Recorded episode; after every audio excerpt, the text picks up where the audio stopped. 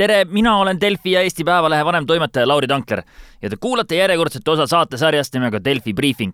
see on siis podcast, kus me ajakirjanike ja ekspertidega koos püüame lühidalt alla poole tunniga lahti selgitada ühe päevakajalise teema. Delfi Briefingul ei ole kindlat graafikut, seega soovitan selle tellida endale just nimelt podcastina. sellisel puhul laetakse teile uus osa nutiseadmesse või arvutisse just sel hetkel, kui uus osa välja tuleb. Täna ma võtan ette teema, milleks on Eesti loodus, looduse kaitse ja maailmas ka hetkel praegu ekstreemseid ilmastikuolulisi tekitav äh, kliimamuutus. ja, ja selle võtan jutuks, kuidas väikesed asjad, mida meie või siis mida Eestis looduskaitsjad teevad, võivad omada väga suurt mõju kliimale selle jaoks käisin ka mina augusti lõpus, nüüd põhimõtteliselt eelmise nädala jooksul, ühel täiesti tavalisel kolmapäeval Soosaare soos, mis asub Põltsamaa lähedal Alampedja looduskaitsealal, vaatamas seda, kuidas seal vabatahtlikud talgute korras soos kuivenduskraavidele paisud peale ehitasid. miks, miks, miks nad seda tegid? selleks, et kuivenduskraavid kinni panna et selle tõttu hakkaks vesi soos uuesti tõusma, veetase tõuseks, mis omakorda aitaks sool ja soo äh, kooslustel taastuda ja sinna peale kasvanud metsal taanduda. võib-olla minu jaoks algselt natuke ootamatult, aga hiljem, kui ma nagu natukene seda uurisin, tähendab see soode taastamine aga ka seda, et aja jooksul võiks hakata tööstuslikud turbaväljad taastuma soodeks mis tähendaks, et need enam ei emiteeriks metsikutes kogustes süsihappegaasi, mis omakorda on nendesamade kliimamuutuste, kliima soojenemise üheks kõige olulisemaks teguriks. looduskaitsjate jaoks oli algselt projekti eesmärk natuke teine, aga las soode taastamise projekti juht Jüri Ott Salm ütleb seda ise. no konkreetselt see Eestimaa Looduse Fondi projekt, kus me taastame kaitsealadel soid, siis meil on eh, peamine prioriteet on elurikkus ja soode kooslused. aga teine moment on nüüd see, et kui me lähme endistele kaevandusaladele, mida pole taastatud, kus veerežiim on endiselt rikutud, kuivenduskraavid toimivad, siis need on sellised äh, süsiniku hotspotid ehk kust läheb päris äh, tonnides seda süsinikku atmosfääri aastas. hektari kohta võib see olla kuskil viis kuni kümme tonni CO2 aastas ehk et need on päris suured äh, määrad. ja see, et kui me seal veerežiimi taastame ja loome eeldused sootaimestiku tagasitulekuks, siis pikapeale aastakümnete järel need äh, kohad muutuvad jälle süsiniku sidujaks. ja Eestis äh, noh, see soode kurbloolisus ongi see, et äh, kui need on pea kaks kolmandikku kuivendatud võrreldes saja aasta taguse situatsiooniga, siis see emissioon, mis sealt CO2-na välja tuleb, võib olla põlevkivi järel siis see teine. ehk et kui me räägime transpordisektorist, siis see on märksa väiksem kui see, mis on kuivendatud soodest tulenev emissioon. ja muidugi noh, põhiline põhjus on see metsakuivendus ja põllumajanduslik kuivendus, aga ka ei saa unustada turbakaevandusi ja põlevkivikaevandusi. Nonii, mina leidsin selle teema üles hoopiski välisajakirjanduse kaudu. nimelt kirjutas üks Eesti juurtega või Eestiga seotud Ameerika ajakirjanik Erik Niiler ajakirjas National Geographic juulikuus ühe loo sellest, kuidas Eesti võitleb kliimamuutustega just nimelt vanade turbaväljade taastamise kaudu Niiler käis samuti härra Salmiga kaasas, rääkis sellest, kuidas erinevatest riikidest jälgitakse tähelepanelikult seda, kuidas Eestis soid taastatakse, kuidas meil on näiteks Viru raba taastamine untsu läinud ja nii edasi. igal juhul ta tõmbas, äh, see artikkel tõmbas ka minu tähelepanu, sest ma olin just hiljuti kirjutanud äh, sellest, kuidas kliimamuutustega võitlemise nime all võib lähitulevikus Eesti metsade majandamine meile negatiivselt mõjuma hakata ehk siis see kliimateema oli mulle juba kuidagi juba, juba oluliselt äh, tähtsamaks muutunud viimasel ajal äh, ja ja see on, see eelmine teema, see metsade teema on seotud ühe Euroopa Komisjoni ettepanekuga. see ettepanek on siis selle kohta, kuidas mõõta maakasutuse, maakasutuse muutuse ja metsanduse mõju kliimale. Inglisekeelse akronüümi LULUCF taga ehk siis LULUCF taga on alati olnud üks, äh, üks huvitav, aga megakeeruline bürokraatlik süsteem, mis mõõdab ära selle, kas näiteks metsa mahavõtmine on süsiniku ringlusele kasulik või kahjulik. Äh, põhimõtteliselt siis kahjulik muidugi. aga see LULUCF on ka see süsteem, mis arvutab kokku, et kui Eestis võetakse maha kümme hektarit metsa ja muudetakse selle pinna kasutust selliseks, et sinna peale tekib näiteks elamumaa või põld, siis Eesti süsinikuemissioon kasvab ja metsad, mida ei ole, ei saa enam süsinikku nii palju siduda, kui nad enne said. nüüd selle eelmisel aastal Euroopa Komisjoni poolt tehtud ettepaneku järgi oleks äh, metsanduses, äh, liikmesriikidel oleks vaja metsanduses vaik-, paika panna üks nullpunkt, et kui palju me metsa raiume ning äh, siis, kui riik hakkab sellest rohkem raiuma, siis nad peaksid selle raiemahu suurendamiseks kas kvooti juurde ostma või tegema teisi metsa ja maakasutuse mõistes keskkonnale kasulikke tegusid, näiteks suurendama metsade pindala kuskil mujal, vorpima puidust rohkem tooteid või siis äh, soosima energiavõsa istutamist või midagi taolist. noh, selliseid majanduslikke tegevusi, inimtegevusest seotud äh, sõltuvaid tegevusi Eesti metsad on aga jõudnud praeguseks vananevasse faasi, mis toob kaasa küpsete metsade äh, jaoks suuremad raied äh, ja, ja selle tõttu me hakkame ületama seda nullpunkti. nullpunktiks on nimelt aastate kaks tuhat kuni kaks tuhat üheksa Eesti raiemahud ja nende protsent potentsiaalsest äh, raiemahust keeruka arvutuskäigu järgi ja muuseas selle täpse metoodika üle veel hetkel vaieldakse tegelikult ka sel ajal, kui meil siin Eestis toimub Euroopa Liidu eesistumine, siis äh, seda metoodika järgi võiks see nullpunkt Eesti jaoks olla umbes kaheksa-üheksa miljonit tihume-, tihumeetrit äh, puitu, mida aastas võib äh, raiuda ja juba aastatel kaks tuhat üksteist kuni kaks tuhat kuusteist oli metsa inventeerimise andmetel raiemahud sellest kuni kolm miljonit tihume-, tihumeetrit suuremad. seega üle mingisugune kolmkümmend protsenti suuremad, kui see nullpunkt võiks meil lubada. seega, kui kõik läheb nii, nagu Euroopa Komisjoni ettepanek metsanduses ette näeb ja Eesti on muuseas sellega tegelikult nõus olnud, äh, põhimõtteliselt nõus olnud, siis me oleme lähiaastatel vähemalt paberi peal metsade koha pealt halvas kirjas. siin aga tuleb väga suur vahe sisse teha kahel asjal. paberi peal ja päriselul. paberi peal läheb kirja et Eesti metsad on vanuse ja raiumise tõttu kliimamuutuste kontekstis kahjulikud, noh, halvas kirjas. tegelikult muidugi ei ole, sest hoolimata vanusest on metsad alati süsiniku sidujad. Eesti, Soome, Rootsi, teised metsarikkad riigid Euroopa Liidus on need, mis oma loodusega tegelikult aitavad ülejäänud Euroopa emiteeritavat süsinikku rohkem siduda. me oleme nii-öelda Euroopa kopsud mingil määral. lõunas ja läänes on põlde, meil on metsa seega päriselus pole metsade olukord kliimamuutuste seisukoha pealt mitte mingil viisil kehva. paberi peal võib-olla. soode ja rabadega on teine lugu.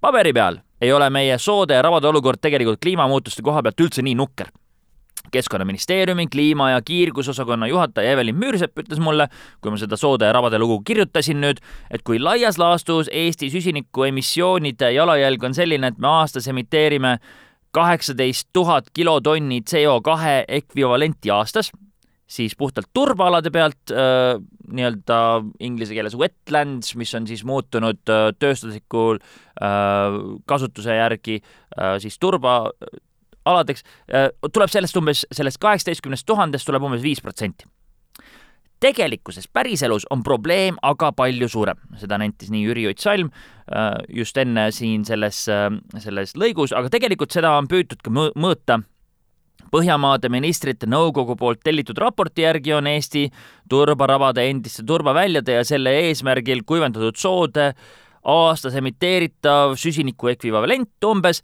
kaheksa tuhat kilotonni aastas. seega võtame numbrid uuesti kokku. kirja läheb paberi peale Eestis kokku kaheksateist tuhat kilotonni aastas äh, CO2 ekvivalenti. kaheksasada kilotonni tuleb nendelt samadelt märgaladelt. aga see kaheksasada kilotonni võib olla vaid kümnendik sellest, mida me tegelikult Eestis need alad emiteerivad. seega päriselus on meie soode ja rabade olukord kliimamuutuste seisukoha pealt väga kehva. paberi peal mitte nii väga. miks seda kirja ei panda?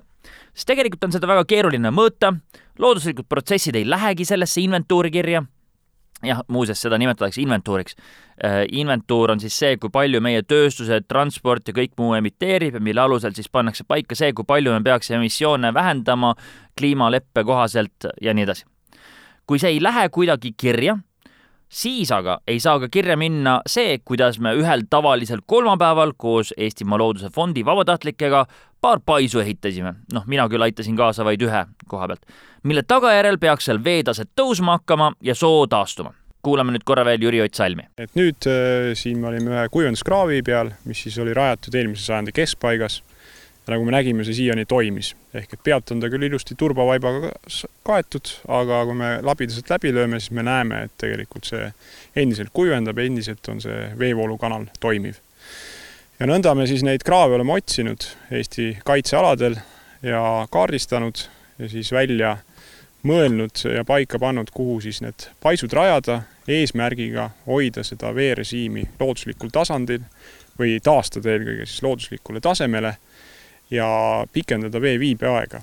et kui me mõtleme, mis see mõju on väljapoole soid, siis näiteks on see, et kui on sagenenud nüüd need hoogvihmad, suursajud, mis on tekitanud üleujutusi, siis sood on need puhvrid, mis näiteks seda vett siis aitavad kinni hoida, või siis teisalt, kui Eesti kliima jälle muutub kuivemaks, mida ka on nüüd juhtunud tänu nendele kliimamuutustele, ehk et põud on rohkem, siis äh, sood annavad seda vett aeglasemalt välja ja kompenseerivad siis seda võimalikku veepuudust jõgedes. Jüri Ott tegelikult pisendas natukene seda rolli, mida sood mängivad maailma kliimamuutustega, äh, maailmas kliimamuutustega võitlemises keskkonnaministeeriumi looduskaitse peaspetsialist Herdis Fridolin, kes on just nimelt ministeeriumis soode teema spetsialist, ütles mulle justkui möödaminnes, et kui sood katavad kolm protsenti maismaa pinnast, siis on välja arvutatud, et nad seovad kolmkümmend kuni nelikümmend protsenti maismaa biomassist seotavast süsinikust. nii ütles siis Fridolin. Kolmkümmend kuni nelikümmend protsenti, see on päris suur number ja seda enam, et arvestades, et, et mitmetes allikates räägitakse Eesti puhul siiamaani sellest, et meil on umbes miljon hektarit soid, kuid tegelikkuses on neist kaks kolmandikku kuivendatud. hea küll, suur osa nendest kahest kolmandikut kuivendatud, kahest kolmandikust kuivendatud soodest on praegu metsad. metsadel on päriselus ainult positiivne mõju kliimamuutuste leevendamisele. võib-olla paberil on natuke teistmoodi aga paljud muud kuivendatud alad on muudetud põllumaaks või jäänud pärast turba kaevandamist üldse täiesti soiku ja just need emiteerivad kõige enam neid kasvuhoonegaase.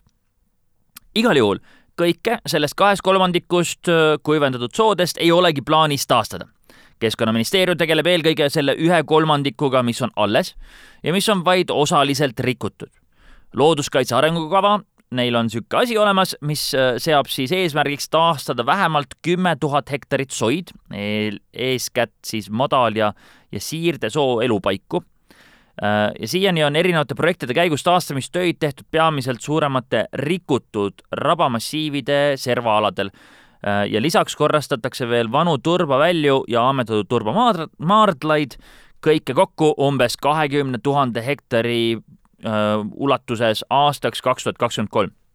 Need numbrid on siis kakskümmend tuhat hektarit kokku ja arvestades, et kui meil oli miljon hektarit, millest siis kaks kolmandikku olid kuivendatud, siis, äh, siis sellest alles jäänust umbes kahtekümmet tuhandet äh, taastatakse veel kuidagiviisi. ehk siis numbrid on, noh, paneme need perspektiivi. ministeerium tahaks tegelikult, et taolisi taastatud soid saaks ÜRO-le ja Euroopa Liidule, kui me mõtleme siis äh, kliimakokkuleppeid ja, ja, ja kliimapoliitilisi eesmärke maailmas, ministeerium tahaks, et neid saaks kuidagiviisi ka raporteerida. nii-öelda panna paberile kirja sinna, kus on positiivsete muutuste lahter. ma lihtsustan selle umbes niimoodi ära, sest äh, need arvutuskäigud on jällegi mega keerulised ja et, et ma tean, et need kõik ei ole omavahel niimoodi otseselt seotud. siis ma lihtsustan selle niimoodi ära, et kui me saame mõõta ära, et näete, me taastasime tuhat hektarit sood, me saaksime sinna heasse lahtrisse kirja panna, et tuhat hektarit korda viis tonni äh, CO2 ekvivalenti aastas, see on siis viis tuhat tonni, millega me saaksime võib-olla tasaarveldada selle, et Eesti metsade raiumisega me kaotasime võib-olla mingisuguse lageraiega tuhande hektari pealt mingisugust metsa, millega me omakorda kaotasime igalt hektarilt viie tonni CO2 ekvivalendi sidumise, noh, umbes nii. muidugi, eks metsad seovad vastavalt oma vanusele, tihedusele, liigile, süsinikku erinevalt, aga võtke seda võrdlust siis pigem näitlikuna. ehk siis, et me saaksime panna selle taastatud soo positiivsesse lahtrisse, et meie negatiivses lahtris olevaid muutusi kuidagi tasakaalustada ja seda tasaarveldada, et me ei peaks võib-olla mingisuguseid kvoote juurde ostma. süsiniku sidumise või emiteerimise küsimus, nagu te enne kuulsite, ei ole soode puhul tegelikult ei Eestimaa Looduse Fondile ega Keskkonnaministeeriumile kõige olulisem küsimus. näiteks, näiteks see Loodusministeeriumi äh, looduskaitse arengukava juba ütleski, et, et eesmärgiks on taastada vähemalt kümme tuhat hektarit soid ja eel, eeskätt madal- ja siirdesoo elupaiku, elupaiku mitte seda, et, et seal oleks, oleks äh, nii-öelda mure see süsiniku, äh, süsiniku emissioonide mure. nii et nii Eestimaa Looduse Fondil kui ka Keskkonnaministeeriumil on pigem mure selles, et madalsoode ja siirdesoode vähenemise tõttu äh, satub ohtu ka veel soode liigirikkus. sel samal kolmapäeval Soosaare talgus vabatahtliku Äh, vabatahtlikuna talgusid äh, juhtinud Eestimaa Looduse Fondi äh, talgujuht ja Tartu Ülikooli teadur Liina Remm selgitas seda poolt ka, kuulame teda. see soo siin on kuivendusest mõjutatud ja sellepärast on siit kadunud sellised soole eriomased liigid. ja aga me näeme siin küll, et äh, muidugi siin elab igasuguseid loomi, aga need pigem on sellised tavalisemad liigid, et no ütleme linnustikust Äh, siin võib kohata näiteks laulurästast, punarinda, võib-olla metskiuru, kes on äh, no, rohkem laialt levinud ja ei ole nii ohustatud kui näiteks äh, rüüt või teised kahlajad, keda siis selle linnu inventuuri käigus kohati seal natukene lõuna pool, kus on kus on selline looduslikum soo veel säilinud, laukastik ja, ja lagedam et neile meeldib seal rohkem ja kuna nad on äh, Euroopa mastaabis ka ohustatud, siis Eestis on selline hea võimalus veel äh, nendele elupaiku taastada ja nende asurkonnad on siinsamas kõrval veel alles, et nad saavad siia levida, kui meil see taastumine hästi õnnestub. edasi ilmselt hakkab siin esiteks vesi tõusma ja selle veetõusu tagajärjel siis hakkab muutuma ka vaikselt taimestik ja sellest lähtuvalt tulevad siia loodetavasti näiteks mõned liiblikad, kes praegu võib-olla on siin sellised liblikad, kes kanarpikku söövad, aga siis hakkavad näiteks tulema sellised, kes vilbe all toituvad. Ja samas on selliseid loomi, kes vajavad just nimelt seda juba, kui vesi tõuseb, nagu näiteks rabakon, et ta tuleb äh, juba siis, kui ilmselt me loodame, et äh, kui tekib selline madal, äh, päikesele hästi avatud, soe üleujutusala mis võib-olla suvel kuivab ära, aga kevadel siis, kui on kullased seal vees, saavad kiiresti kasvada soojas vees, et nemad saavad juba üsna kiiresti seda ala asustada, kui, kui tammid saavad ette ja toimivad hästi. no Eestis on selline huvitav asi, et et kui me käime ka matkaradadel ja niimoodi, siis me näeme, et sellist raba on suhteliselt palju isegi säilinud ja ta ei ole väga tugevalt kuivendusest mõjutatud. no muidugi on ka täiesti freesturba välja, kus ei ole midagi alles, aga siiski neid rabasid on ka säilinud.